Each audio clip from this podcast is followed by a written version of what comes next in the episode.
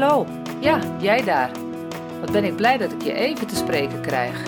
Ik heb namelijk nieuws voor je. Heb jij te horen gekregen dat je nog maximaal een jaar te leven hebt? En wil je deze op een voor jou geheel eigen wijze afsluiten?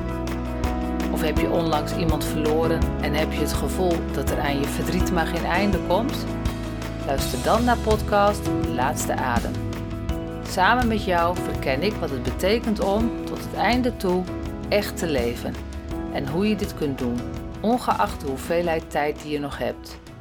Je zult ontdekken dat de laatste levensfase niet alleen maar een periode is van verdriet en pijn, maar ook een periode van hoop, liefde en verbinding. Mijn naam is Mirjam Koetsen en ik begeleid mensen tijdens hun laatste levensfase en de nabestaanden. De laatste adem is vanaf 1 mei te beluisteren in jouw podcast-app.